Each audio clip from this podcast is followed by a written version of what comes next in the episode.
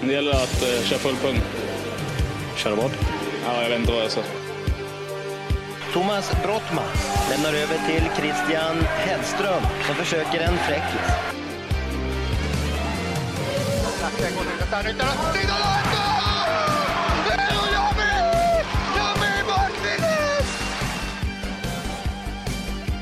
Ballverlust und jetzt ist oh,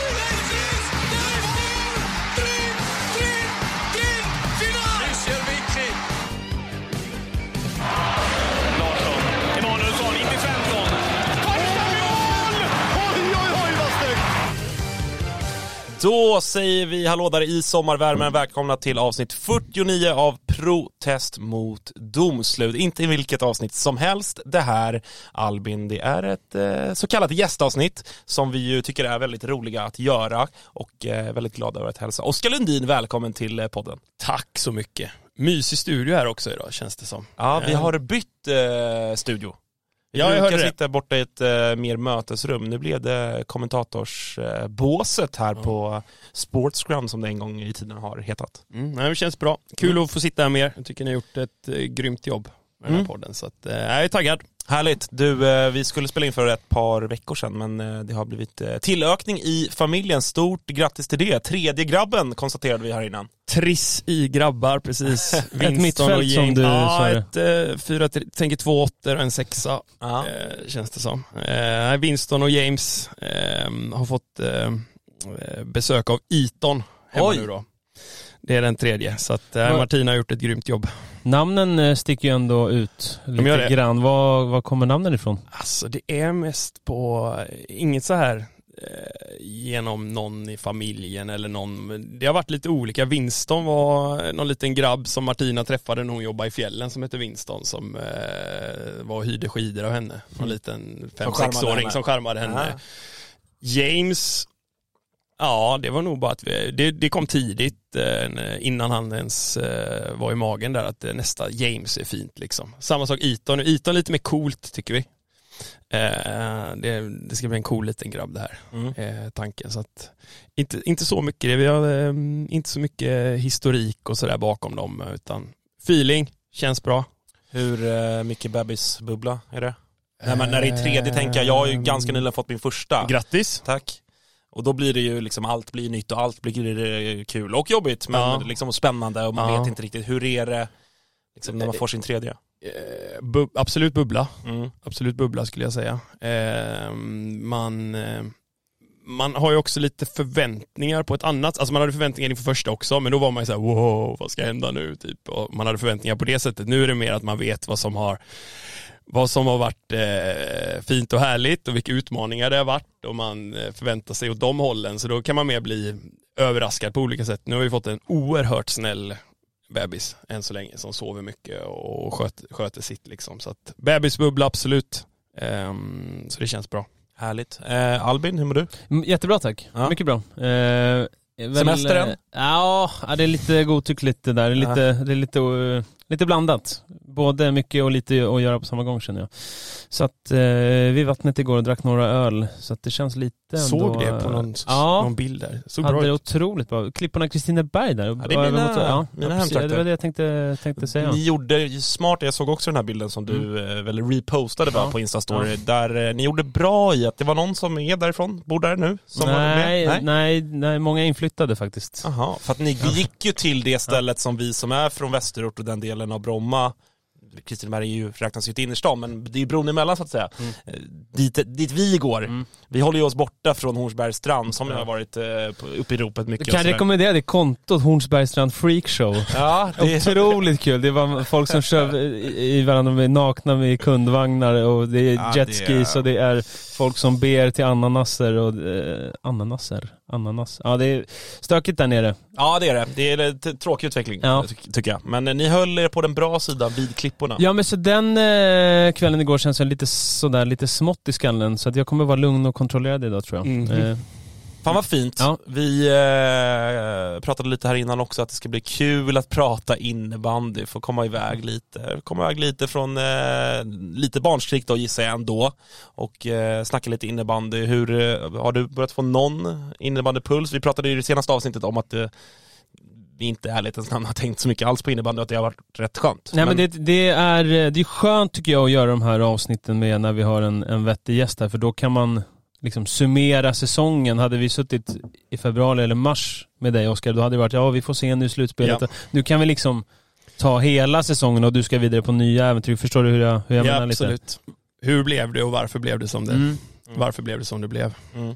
Det är ett bra läge. Mm. Ska vi, ehm, ja, jag vet inte riktigt vilken ände vi ska börja i, men, men eh, ja, du sitter ju här som, som nybliven svensk mästare och på många sätt en speciell säsong, om vi, liksom ska, om vi börjar från början eller? Ska vi, ska vi liksom göra det? Mika kom in och tog över huvudansvaret. Mm. Eh, det pratade vi om, var det, var det förra avsnittet också? Just den rokaden. Men Mm. om vi liksom backar band och med lite distans till och med, med det ni också upp, eh, uträttade i år, Ja. i liksom färskt ändå minne.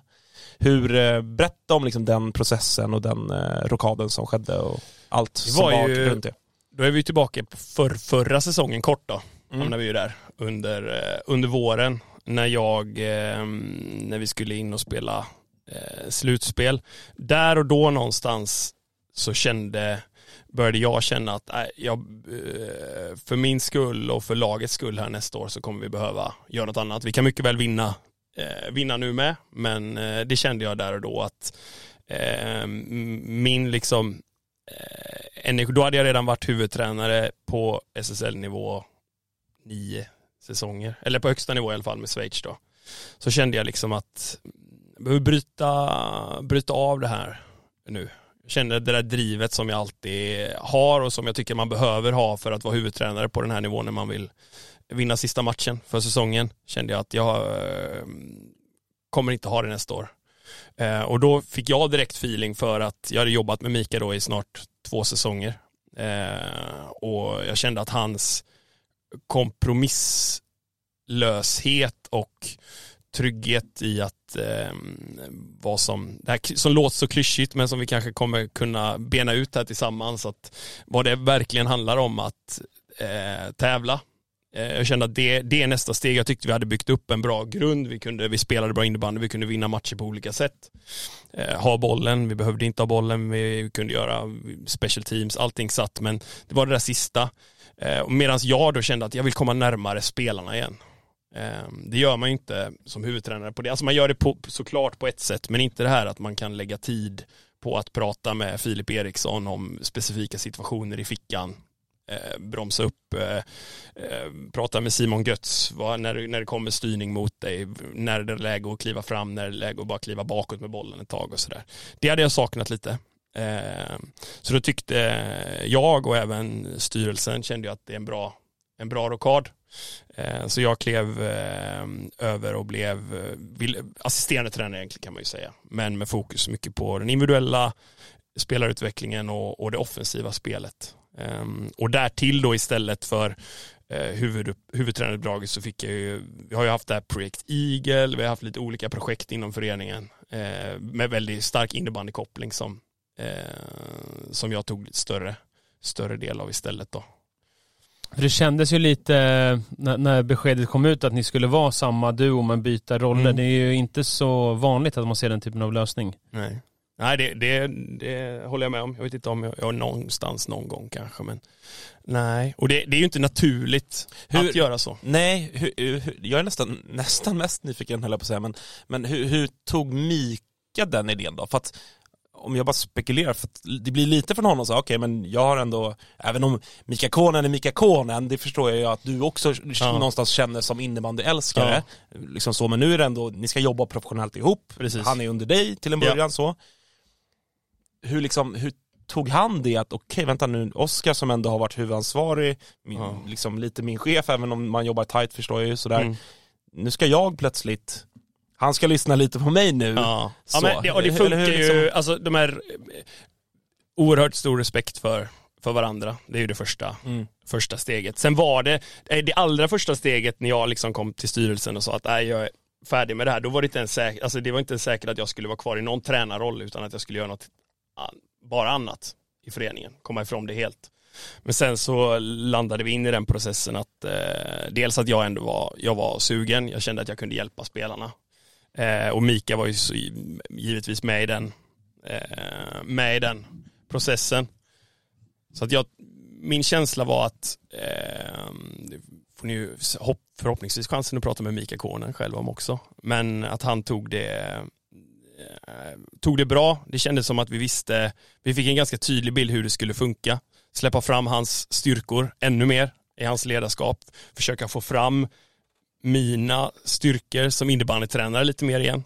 Ehm, så att han tog det, jag- upplevde i alla fall att han tog det, tog det bra. Rörigt såklart i början, okej hur blir allting, hur landar allting? Ehm, och så kom Kim Johansson in ehm, och har eh, gjort det väldigt bra också tycker jag. Det känns nästan, August, varje gång vi sitter här och intervjuar någon, alltså alla vägar bär till Mika något sätt. Ja, ja, ja. Det, är- det är verkligen Det är så. helt omöjligt att ha, jag tror, jag tror inte att vi har haft, haft efter, ett enda Nej. gästavsnitt. Men det är också för att det- Faktarutan kommer ju och där Ja. är det nästan, Ja. där är du galen om du Ja, inte men han nämns ju på ett sätt eller annat liksom. Men, men eh, vad, ehm, vad ser du för tränarframtid för Mika? Han har ju haft, den är ändå, tränarkarriären är ju fortfarande ganska kort. Ja. Och ändå har han uträttat mycket. Hur ser du eh, på hans framtid som tränare? Vad är hans liksom, starkaste sidor? Alltså man kan ju ta det så här, om jag, man kan ju göra det enkelt att jämföra lite vad som blir skillnaden. Han är huvudtränare och jag är huvudtränare. Och det är just det, jag tror att när jag kollar tillbaka på mig själv, att jag var, just det här med kompromisser, att jag kompromissar lite för mycket. Eh, och det kan vara allt från situationer i spelet till att, ja ah, men spelare, kan jag få ledigt den träningen för det här och det här. De här sakerna är Mika betydligt mer, liksom, mm, vad ska man säga, inte målinriktad men kompromisslös med. Eh, och det tror jag satte eh, en väldigt tydlig prägel på laget från, från start. Och det, jag tycker han hittade en väldigt bra balans där, mänsklig, respektfull men ändå eh, tog det ett par steg till för att visa liksom, men det är det här som kommer krävas. Mm. Ehm, det tycker jag blev väldigt, väldigt bra och där har jag, liksom, har jag tagit med mig mycket från Mika, hur han kan göra det, även om vi är otroligt, vi är väldigt olika som personer, jag och Mika. Ehm, men jag kan verkligen ta med mig saker från, från det, på samma sätt som han säkerligen har tagit med sig saker från, från hur jag kommunicerar och hur jag jobbar med, med spelarna. Hur mycket, ja men kanske framförallt då inför den här säsongen, för att det har ju vi pratat om eh, i den här podden och, och jag tror att många ändå, alla fall inför och till viss del även nu efter, kände att så här, fan, Falun väldigt tydliga favoriter inför säsongen, Storvreta, det är klart det är Storvreta de kan hota, men, men på pappret så var vi, vi ganska eniga om att det fanns en Inte del utmanare. Nej, att det fanns en del frågetecken. Växjö var kanske nu mer den tydligare utmanaren, Storvreta någonstans trea istället. Hur mycket, för att en, en snackis bland innebandyfolk har ändå varit de taktiska justeringar som ni gjorde inför säsongen framför allt, eller det kanske påbörjades lite innan det, vad vet jag, men, men så att man pratar lite om att eh, ni spelar mer som det finska landslaget kanske, och det, det är någon form av växelpress och, och tydligare 2-2 istället för det som numera nästan är, är är standard med 2-2-1 och, och, och sådär. Hur liksom, Satt ni på kamrarna på kvällarna du och Mika och, och pratade taktik och, och analyserade ett hej vilt eller hur liksom, hur gick de taktiska, du får gärna nörda liksom. Ja, det, det gör jag gärna. Alltså man kan säga så här, rent om vi börjar med försvarsspelet då, som har varit en stor, det har jag ju också liksom Ja, det har varit helt ja, det har varit en, Och det har varit en supersnackis, eller med innebandymått mätt supersnackis. Rent, ja vad gör de? Det har ju varit mycket det här eh, finska landslaget. Eh, men om man ska liksom titta tillbaka under de här tre åren så har vi Eh, liksom gått från eh, ett 2-1-2 med styrning som det var från början liksom. Eh, till att ibland se ut som 2-2-1 till ibland se ut som 1-2-2. Men vi har inte, och det är samma sak där med kompromisserna. Att, att vi under åren har kompromissat, nej spelare känns inte bekväma att följa med i den ytan, nej eh, han vill inte flytta över, centrarna vill inte kliva över på vänster, de är väldigt trygga till höger och så vidare. Och nu var det ju bara att, och det, det ska ju Mika ha 100% cred för tycker jag, att han bestämde inför säsong, nu är det det här som som gäller. Vi hade liksom haft de tendenserna i spelet och jag och Mika hade liksom försökt att få eh, till den här hybriden mellan zon och man-man som det, som det är. Eh, och, och det blev liksom väldigt tydligt från i maj förra säsongen att nu är det det här som, som gäller med allt eh, lurigt som kommer det under, under försäsongen och början av säsongen framförallt. När det ibland kunde se ut att "Äh, de spelar man-man över hela plan och ibland är det är en zon eh, 1-2-2 eller är det en 2-2-1 när de är inne eller det var, det var ju liksom sådär.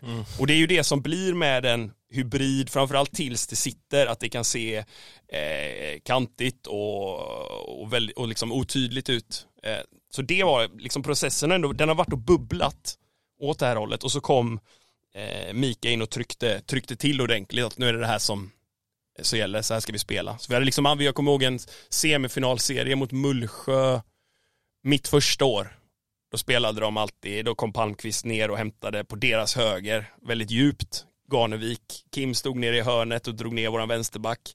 Och våran center, en, en superenkel lösning är att våran center bara står ut vänster. Om ni är med vad jag menar. Ja. Eh, Men det ville inte våra centra först. Men så, och då var det liksom att vi fick... För Jo, att det, vi måste- för att det oftast var Ja, då ville de hellre att vänster, ville... nej, då ville de hellre att våran vänsterforward liksom vrider ner Ah, okej, och okej. hamnar där. Okej. Men då, kunde de, då fick de mycket tid i uppspelsfasen. Mm. Så där var det liksom, då var det så att nej nu bestämmer vi, vi måste kliva med vänster och så får högerbacken stå upp istället. Istället för att som alltid att man vill att vänsterbacken ska stå upp i ett styrspel. Mm. Tvärtom. Så där, och där lyckades vi med det. Så vi har haft de där tendenserna, men vi har inte varit tillräckligt konsekventa med det. Eh, och nu bestämde vi oss tidigt och framförallt Mikael då att ja, men det är den här, den här lösningen vi ska köra. Vi ska ha den här hybriden mellan zon och, zon och man-man och det kommer handla om att ta bra beslut och prata mycket med varandra. Så kommer det bli, bli bra. Hur mottogs eh, det av spelartruppen? För att jag menar, det har ju varit perioder där man liksom så här, och jag vet att, ja, vem det nu var, någon innebar, jag menar så här, det, folk hade ju också åsikter om att det stundtals var jävligt tråkigt att kolla på Storvreta och det hade väl egentligen mest med att göra att ingen kunde göra mål på er och då tyckte man som objektiv kanske att det är rätt tråkig match för att ni vann med 5-2, Ja. typ så. Ja. Men liksom, hur var det liksom för den här spelartruppen, är den, var, är den eller var den så pass lojal att de sa fan vi kör? Eller fick ni ändå liksom jobba in det liksom? Nej, 100% lojal från start, tycker jag. Hela, liksom, och det, det är ju alltid så här när de ledande spelarna, Albin, Tobbe, Måns kom in och blev viktig direkt i försvarsspelet, att de köpte in på det från början, då blir det ganska, då blir det den här snöbollseffekten. Sen så ska man vara ärlig och säga att det är situationer mer under försäsongen. Vi hade någon träningsmatch mot GC, Zürich, där de hittade några lösningar där det bara såg, he- det blev helt ihåligt liksom. Och då är det mer så, ja men det här, hur ska vi kunna lösa det här liksom? Så att det var mer sådana här stunder av hopplöshet och då får man ju liksom kolla, upp med videon, kolla, vart är det, man, man kommer ju alltid hitta orsaken eh, till vad det ser ut. Och sen det som händer under en säsong är ju bara att laget på egen hand snabbare och snabbare löser de här situationerna. Det dyker ju alltid upp situationer. Växjö hade grejer i semin, Linköping hade ju grejer, Filip Samuelsson ställde ju till det för oss i, i kvartsfinalen mot Linköping. Det är bara att om man jämför med från försäsongen till under slutspel så är laget, de har blivit vana vid både på träning och match att okej, system, det, inget system är perfekt. Det kommer vara situationer, det kommer vara sekunder där det glappar. Då hellre det att ju snabbare vi själva kan lösa det, ju bättre kommer det vara och ju mer frustrerande kommer det vara för motståndaren. Så att lojaliteten var där från start, men såklart så dyker det upp situationer. Några andra som har ställt till det för er, vilka har varit svårast liksom, förutom slutspelet kanske? Men har det varit några lag eller några spelare speciellt som har varit... Jag tycker individuella spelare har jag reagerat på lite extra i år. Då är ju Filip Samuelsson ett, ett bra exempel. En underskattad spelare? Ja, inte från min sida. Nej men eh, för den breda massan. Ja, kanske. Ja. kanske. Alltså, för han är så skicklig på att så här, locka, locka, locka, locka, locka till sin forward och så sätter han steg i sättning och så är han runt. Eh, det vi dock märkte och det om eh, med Filip var ju att han, end, endprodukten, slutprodukten, blev inte tillräckligt farlig. Det liksom räddade oss lite att de, han kunde skapa fyra mot tre situationer när han trampade runt men hans avslut eller hans sista pass var inte tillräckligt bra. Men han stökade till det för oss. Eh, vem har vi mer? Alltså Emil Johansson såklart, det behöver vi inte, behöver vi inte prata om. Ja men där kan man spela vilket Ja, system exakt, som helst. exakt, det det blir- Men är är det, det- det, är var någon mer, Ramirez, jag tänkte- samma sak. Fråga. Ramirez, men det är också lite där, tänk om de här killarna hade haft lite mer slut, Ja, slutprodukt. ja. Det är ju det som gör dem, det är ju det som gör Emil Johansson och Tobias Gustafsson speciella. Mm. Att där har de ju slutprodukten också. Kommer de förbi där, då vet ju hela hallen att nu är det minst 50-50 att det är ett mål eller assist, när de får komma i fart sådär. Men det är, är det- är det de den typen spelarna, av- den typen av spelare kan stöka för eh, sättet vi spelade på. Eh, men i och med att Mons är Mons och att vi har så många defensivt skickliga backar på att täcka den där sista passningen om den inte är perfekt eller sitta rätt om ingen är tillräckligt smart i sitt avslut så sitter, då sitter ju Stenmark rätt. Sitter Sundstedt rätt. Det är klart de gör det, de har gjort det alltså hur många gånger som helst. Mm. Så att, men den typen av spelare tycker jag eh, var, var jobbiga. Så att jag tycker, Nystedt såklart, samma sak. Deras 1-0 1-0 vinst mot oss i IFU sjuk match i sig. Men jag vet inte hur mycket boll, hur mycket hade han bollen den? Jag, känner, jag har ju alltid känt med Victor Nystedt, det finns ingen spelare som har bollen mer. Alltså Nej. om han har, Nej. om han spelar... Luka Graf. Luka Graf Just har bollen ja, ja. otroligt mycket. Just det. Men, men eh, absolut, och han, han är ju också sådär att han du vet kan locka, locka, locka, locka och så går han igenom och så måste, för då måste man ju kompensera och det är ju det där det kan bli lurigt när man ligger i det här, okej vi har zonat där, vi har manmannat där och så är det någonting som bryter de där eh, linjerna. Men som sagt, om man ser överlag så var ju laget, försvaret och målvakten tillräckligt bra på att lösa det under den här säsongen. Det finns ju ett gäng lag, ett litet gäng i alla fall, som har spelat det här hela man-man. Så Helsingborg har väl testat i Kalmarsund, Lund på de sidan Ja. varit mycket snack om det. Vad, vad tänker du om de lagen som kör man-man-spelet hela, hela vägen? Om ni gör det på, på halva laget, eller tre? Jag- Två och en halv. Ja, två och en halv. Eh, nej, ja, eh, om man Eller varför gör våran- inte ni det? På, för att eh, två, två anledningar, tycker, som jag ser personligen. Ett är att vi vill ändå ha spelare i rätt position. Den viktigaste anledningen för mig är att man vill ha spelare i hyfsat rätt positioner när man vinner bollen. Omställningarna är ju superviktiga i innebandy. Det gör, det gör vi mycket mål i där vi skapar mycket situationer. Ännu viktigare när man spelar så här, väl? Eh, såklart. Eller? Ja, Det ja, känns som att absolut. ni har gjort Och- fler omställningsmål än någonsin i år. Jag vet, jag borde ha säkert- svaret på det. Nej, jag borde ha svaret på det, men jag har, jag har faktiskt inte det. Men det tycker jag är viktigt. Eh, att man liksom inte kan, man kan ändå ha Filip Eriksson redo på sin vänsterkant vid bollen. Man kan ha Simon Götz att f- få bollvinsten i eget hörn så han kan trampa iväg med den och så här. Det ser jag som en, eh, som en stor grej. Så att man, man blir liksom inte riktigt lika eh, reaktiv eh, om man kan lyckas hålla, hålla positionerna. Så eh, det tycker jag är, är viktigt med det. V- vad var det andra då? Du sa två grejer.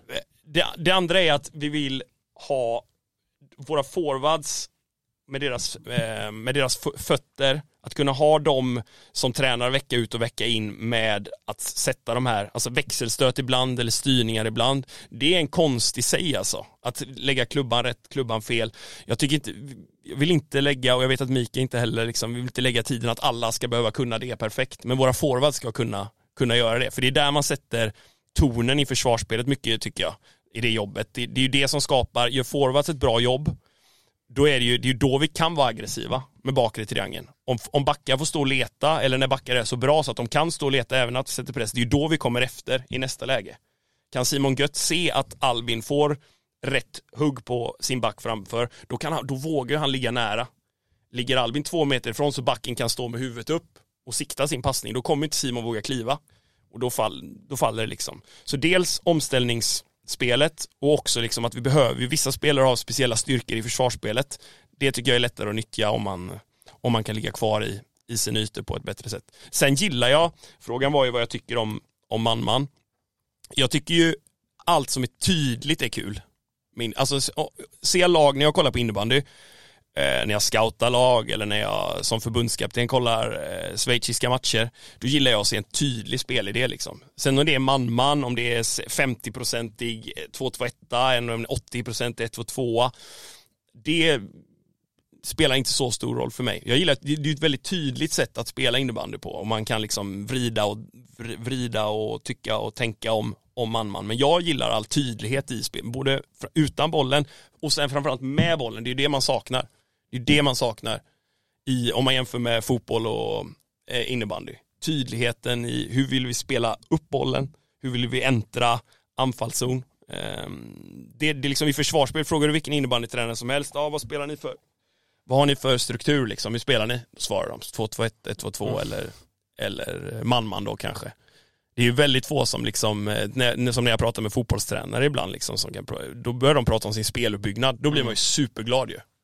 Ehm, så att det tror jag är lite nästa steg, att lägga mer, lägga mer kraft på det. Försvarsspel, försvarsspel jag har ju lärt mig i år att det, är, att det är superviktigt. Det är så man, vad är det man brukar säga, anfallsspel vinner matcher och försvarsspel vinner Titlar. mästerskap. Ja, Ja, man får ge, Ja, ge ja, det citatet exakt. eh, er rätt. Ja, jag har inte mindre respekt för det citatet Nej. nu än vad jag hade Nej. innan.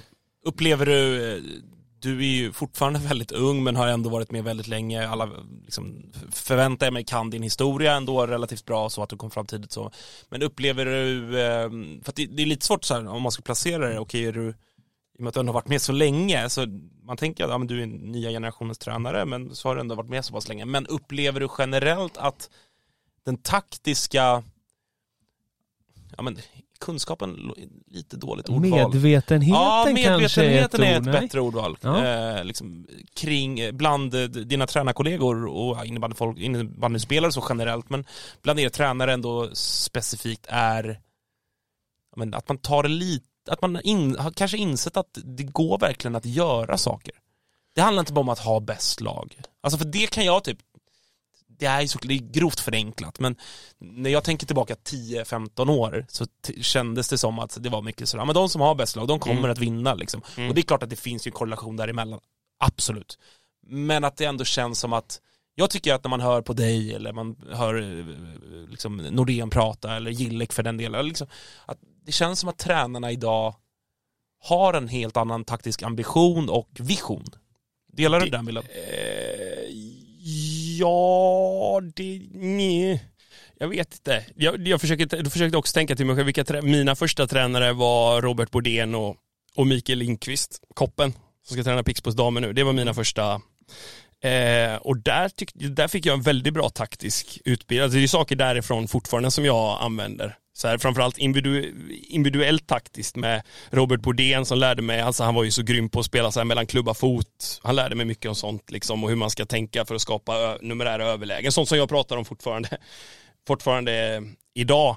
Jag har svårt att se det, man blir så hemmablind också med Ja, sin egen... eh, men, men jag kan, återigen, jag kan reagera över när jag, när jag scoutar motstånd, att det är väldigt lätt att se vad vill de göra utan bollen och sen så tycker jag det är ibland alldeles för svårt att se vad de vill göra, vad de vill göra med bollen för att kunna kontrollera, kontrollera matchbilden. Eh, men en sak som ändras lite också tycker jag, det som är i ropet nu eh, känns att man pratar väldigt mycket om eh, beteenden och principer ju. Det är också innebandyn så här att man kanske inte har, alltså det gäller att särskilja på det taktiska och vilka principer har man. En princip i innebandy kan vara när vi vinner bollen, då tar vi alltid bollen framåt. Första tanken, första tillslaget ska gå framåt i banan. Där tycker jag, där upplever jag att eh, tränare idag är mer än vad det var förut. Att liksom försöka hitta regler och ramar för spelet snarare än pilar och streck. Eh, sen om det är bra eller dåligt, det beror nog helt på vilket lag man har, vilket material man har och, och så vidare. Men den skillnaden kan jag se från då till, då till nu. Ert spelsystem, är det början på en trend, tror du? Kommer, få, kommer lag ta efter? Ja, det, det tror jag. Så brukar det ju vara när någonting blir liksom väldigt, väldigt framgångsrikt och det på, det på det sättet som det blev. Det man måste ha med sig dock när man ska spela, det var samma sak, jag delade någon tweet med någon text om Manchester Citys sätt att spela.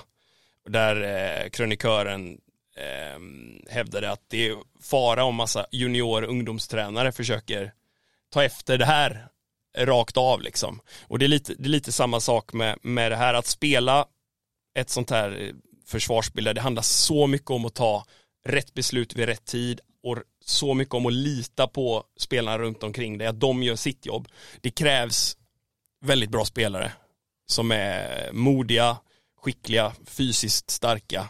Ehm, så att jag, jag tror säkert att lag, eh, och det hoppas jag ju också att de, det är samma sak, man kollar ju på de, de lagen som gör saker väldigt bra och försöker tänka, okej är det någonting härifrån vi kan, vi kan nypa, eh, det, det tror jag. Sen om det blir en trend, svårt att säga, det kan ju också vara att folk tycker att äh, vi ska göra helt, vi ska bevisa att det går att göra helt tvärtom. Helt tvärtom. En annan fråga, Albin Sjögren, var det världens bästa innebandyspelare förra säsongen? Mm, det var det. Ja, för att? Ja.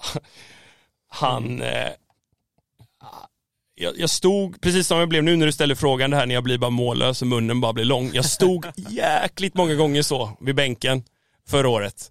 För att han, han behöver ingen tid. Alltså även när jag kollar efteråt på situationen med honom eller när jag pratar med Albin om situationer, det, det ser så trångt ut, det ser så svårt ut. Eh, om jag bara kollar till själva ytan, vad är han, vad är hans motståndare? Men sen när man väl ser själva situationen och kollar på Albin så ser det, det ser enkelt ut liksom. Det där ska vara om, eh, sätter du någon annan spelare i den här situationen så kommer han slå en backhand-knack ner i hörnet, försöka lägga sig över sargen och få ett frislag. Han, han hade en säsong där beslutsfattningen var otrolig. Men, det, men det, det har mycket med att göra hans liksom, sätt att uppleva vad som händer runt omkring honom. Jag vet att för, var det för, förra sommaren, då gjorde vi inför någon, eh, vi hade något läge med duktiga juniorer. Så då hade jag, jag intervjuade Albin och pratade om just hans sätt att uppfatta planen, att titta vad som händer runt omkring honom. Och då var det en situation, det var någon Höllvik, det spelar ingen roll exakt vilken situation, men han fick bollen, man ser på videon att han får bollen under press i fickan. Eh, och då kan han liksom, då är det här en och en halv månad efter den matchen. Då säger, säger jag till honom liksom, blunda nu eh, innan vi kollar på den här situationen. För han kommer ihåg det här, för det blir en assist, eh, det här målet. Och då frågade jag honom, "Ja, men vad såg du här liksom? Ja men jag kommer ihåg att, och då sa han liksom, ja eh, Hampus Arén kom där, jag kommer ihåg att motståndaren hade sitt blad på den sidan, där borta. Jag kommer ihåg att i slottet hände det och det. Alltså den, den uppfattningen är, och sen testar jag med andra spelare, det är ingen som är, ingen som är nära. Så där tror jag det är un- unika med, med Albin. Sen att han, den här pass, de här passningarna han slår i SM-finalen, den här, han slår till Tobbe som slår till Vinrot. Du vet, man ser så tidigt att han, när han får bollen redan, bollmottagningen som alltid är perfekt och så vet han, okej nu kan jag bara glida bakåt, behöver inte gå fort, jag kan bara glida bakåt här. Glida, glida, glida. Och så väntar jag och så kommer Tobbe gå och så trycker han den stenhårt. Rakt igenom. Han, det är så många sådana situationer den här säsongen jag bara kände, inte, ja, vad ska vi göra liksom? Han är, han är, han är Tänk på motståndarna, vad de tänker då. Ja, Alltså, nej, han, var, han var grym och sen, jag vet liksom, han får ju mycket cred från Mika också i försvar, så han är inte många fötter fel i försvarsspelet heller liksom. Eh, otrolig, för mig jag han var, han var bäst, det tycker jag. Jag håller med. Lite... Får jag bara ställa en sista Ja. spelarkopplad fråga så, som vi också har diskuterat i avsnittet. Um, Filip Eriksson, Mm. omöjlig att hålla utanför svenska landslaget? Frågetecken. Eh, ja, det är mitt eh, korta, korta svar. Eh, om jag ska utveckla lite så, jag tycker att han har visat eh, det här som kan vara svårt, att han kommer upp som super, eller kommer upp, kommer från Sirius som en supertalang. Eh, det jag och Filip pratade mycket om och det vi pratade med honom mycket om är att han hade blivit väldigt van att spela rättvänd. Alltså med det menar jag i Sirius att de klev hem, han fick få bollen i egen ficka och så drog han iväg och så hade han Drevs och Björk som cirkulerade runt där. I Storvreta direkt så blir det att spela felvänd mycket mer som forward. Det är en stor skillnad, det är inte så många som tänker på det, men det är en stor skillnad. Nu får han liksom bollen felvänd i offensiv ficka eller han, han får den på olika sätt. Och det tog lite tid för honom att hantera. Att liksom dels bygga upp sig fysiskt och klara av det och spela felvänd med någon på sig. Och också liksom att vrida om tanke, tankesättet lite. Men och det är samma sak där, jag ska inte gå för långt in på det, men det var ju det som både Albin och Filip hittade under slutet på den här säsongen, att de kom ju mer rättvända. Vi började ju hämta ner dem, de började komma ner och hämta boll på olika ställen. Just för att eh, om de bara står i sin ficka eller i höga slott från början, ganska lätta att markera. Då behöver inte motståndarna reagera. Men om de kunde komma ner till vänster, till höger, driva upp bollen och sen glida in i sina ytor, då fick vi mycket mer plats för dem. Så att Filip, för mig, jag hoppas verkligen, jag tycker om Filip så mycket också, så att eh, på alla sätt, jag hoppas verkligen att han får chansen, han är, jag tycker han är värd det. Håller med. Eh, nu kommer sista spelarfrågan innan, innan vi ska gå vidare till faktarutan. Ja, jag, jag kan sitta här hela Ja, nej, eftermiddagen, det, det är bara-. Och här kan, det kan vara ett kort svar. Eh, liten motivering. Men för det, det blir såklart, och med all rätt, liksom, vi pratar Albin, vi pratar Filip, vi pratar Tobbe såklart, och, och Måns och, och Stefansson i någon mån, och ja, men lite sådär, de stora spelarna. Om du bara får ta en spelare, för att det är också väldigt mycket prat om kollektivet, Storvreta, eh, men om du får ta någon spelare som sådär, den breda massan, du får gå, gå ur din egen liksom, taktiska hjärna, den breda massan inte förstår hur bra den är.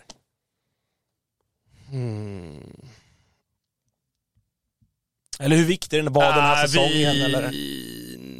Då är det ju vi, alltså Götz, Götz eller Winroth tänker jag på. Götz får väl ändå lite mer Han fick efter finalen, Ja exakt, alltså, jag, jag, Winroth har jag hyllat så många andra gånger på andra ställen så vi kan ju ta Simon eh, Götz. Jag tycker hans, hans säsong efter, han har haft strul de tidigare åren här med tuffa skador och sådär och han tog ju verkligen den här rollen, viktiga rollen bredvid Tobias i år och klarade av att hantera den på ett sätt som, han överraskade mig inte men han gjorde mig jäkligt glad alltså att han klarade det. Han hade tuffa situationer, i Växjö-serien hade han någon tuff match liksom när det inte gick med honom. Innan har han lite så här varit lite för mjuk då, liksom inte hanterat nästa fight på rätt sätt. Nu steg han upp direkt, slutet av semifinalserien, finalen grym. Ehm, jag tycker hans, hans säsong och sättet att kunna hjälpa den formationen med, med framförallt då Albin framför sig och Tobbe till höger om sig eh, är värd eh, mycket beröm alltså. Så att det är kul att se och han har ju många fina år framför sig. Så det blir intressant att se vad, han, eh, vad, han, vad hans prestation tar vägen här nu. Eh, framtiden för dig nu då? Nu Du ska det- till Schweiz. Nu blir det... Är du, är du färdig i Storvreta nu eller hur har våren jag, är färdig, jag är färdig i, eh, i Storvreta för den här gången. Mm. Får se vad som, se vad som händer. Jag är förbundskapten på dam, damsidan för Schweiz. Det ska bli väldigt kul. Vi har ett VM i Singapore i eh, december. Så jag var där och, och kikade, bara någon vecka efter SM-finalen var jag i Singapore och kikade lite vart vi ska bo och vart vi ska ha läger och sånt där. Det blir väldigt spännande. Så att det är det som kommer vara i, ehm, i huvudfokus för mig, för mig nu. Sen så, tycker jag tycker det är så kul med så här små, bara idag nu de här tre sista dagarna har jag varit i Hässelby och varit hjälpt till på en så här, deras elitcamp med duktiga killar och tjejer.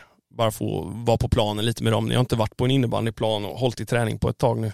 Frågan är om det var Globen inför finalen sista kanske. Globen till Hässelbyhallen, det Ja, perfekt. perfekt, perfekt. Ja, det är Perfekt. Perfekt. Ja, nej men så, så kort, det blir ju fokus på Är det Schweiz. heltid då, förbundskapten?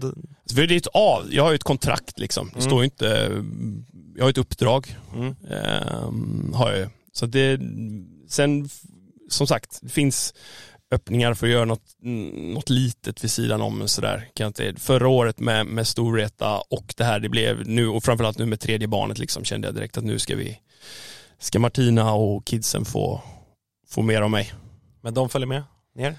Ja, Eller? Flytt, Eller bor kvar? Flytt, fly, ja, just nu ser det ut som vi, som vi, vi bor Ja. kvar faktiskt. Så det kommer bli eh, lite Swiss, Swiss Air timmar Ja. eh, under hösten. Så vi får se, vi öppnar, vi hade en, eh, absolut en tanke på att flytta ner under sommaren men då ska man sälja hus och sådär, vilket marknaden är, den är inte på topp utan att, utan att använda för starka Jag vill ord. inte tänka på vad det kostar att köpa ett hus i Schweiz. Nej, det gör man ju dock Nej. inte. Där, hyr man, där, där får man hyra. Ja, ja bra, Ja, bra, bra, bra. ja. Så långt har inte Nej. eh, ekonomin i kommit. Nej, nej, nej, nej, nej, nej. Nej, så det är planen. Ja. Sen får vi se när, när och, och om, om vi flyttar ner där nere. Vi skulle gärna vilja bo där igen. Vi Har bodde där ni, nere i tre år. eh, när du signade, är det någon, finns det någon liksom eh, klar målsättning från deras, från förbundets håll där nere? Inte rent resultatmässigt, men, men det är ganska så här, och om man kollar de sista, jag vet inte hur många VM de har kommit, tvåa, trea eller fyra. Så det är klart att pa, alltså pallen är ju viktig, alltid tydligt. Sen är, senast, de har vunnit en gång, vet ni var någonstans? I Singapore? Ja, i såklart. Singapore. Oj, oj, oj. Så det sätter ju lite År. extra tryck. Ja, det borde jag ju veta såklart. Jag minns inte. Men det var ju ett tag sedan nu. Ja. Ehm, så det sätter ju lite extra tryck. Ja, Det, på fin, sig. det finns såklart. några, alltså att, att det är andra gången ett VM är i Singapore och U19-VM här har gått fler gånger i Tyskland än i Sverige.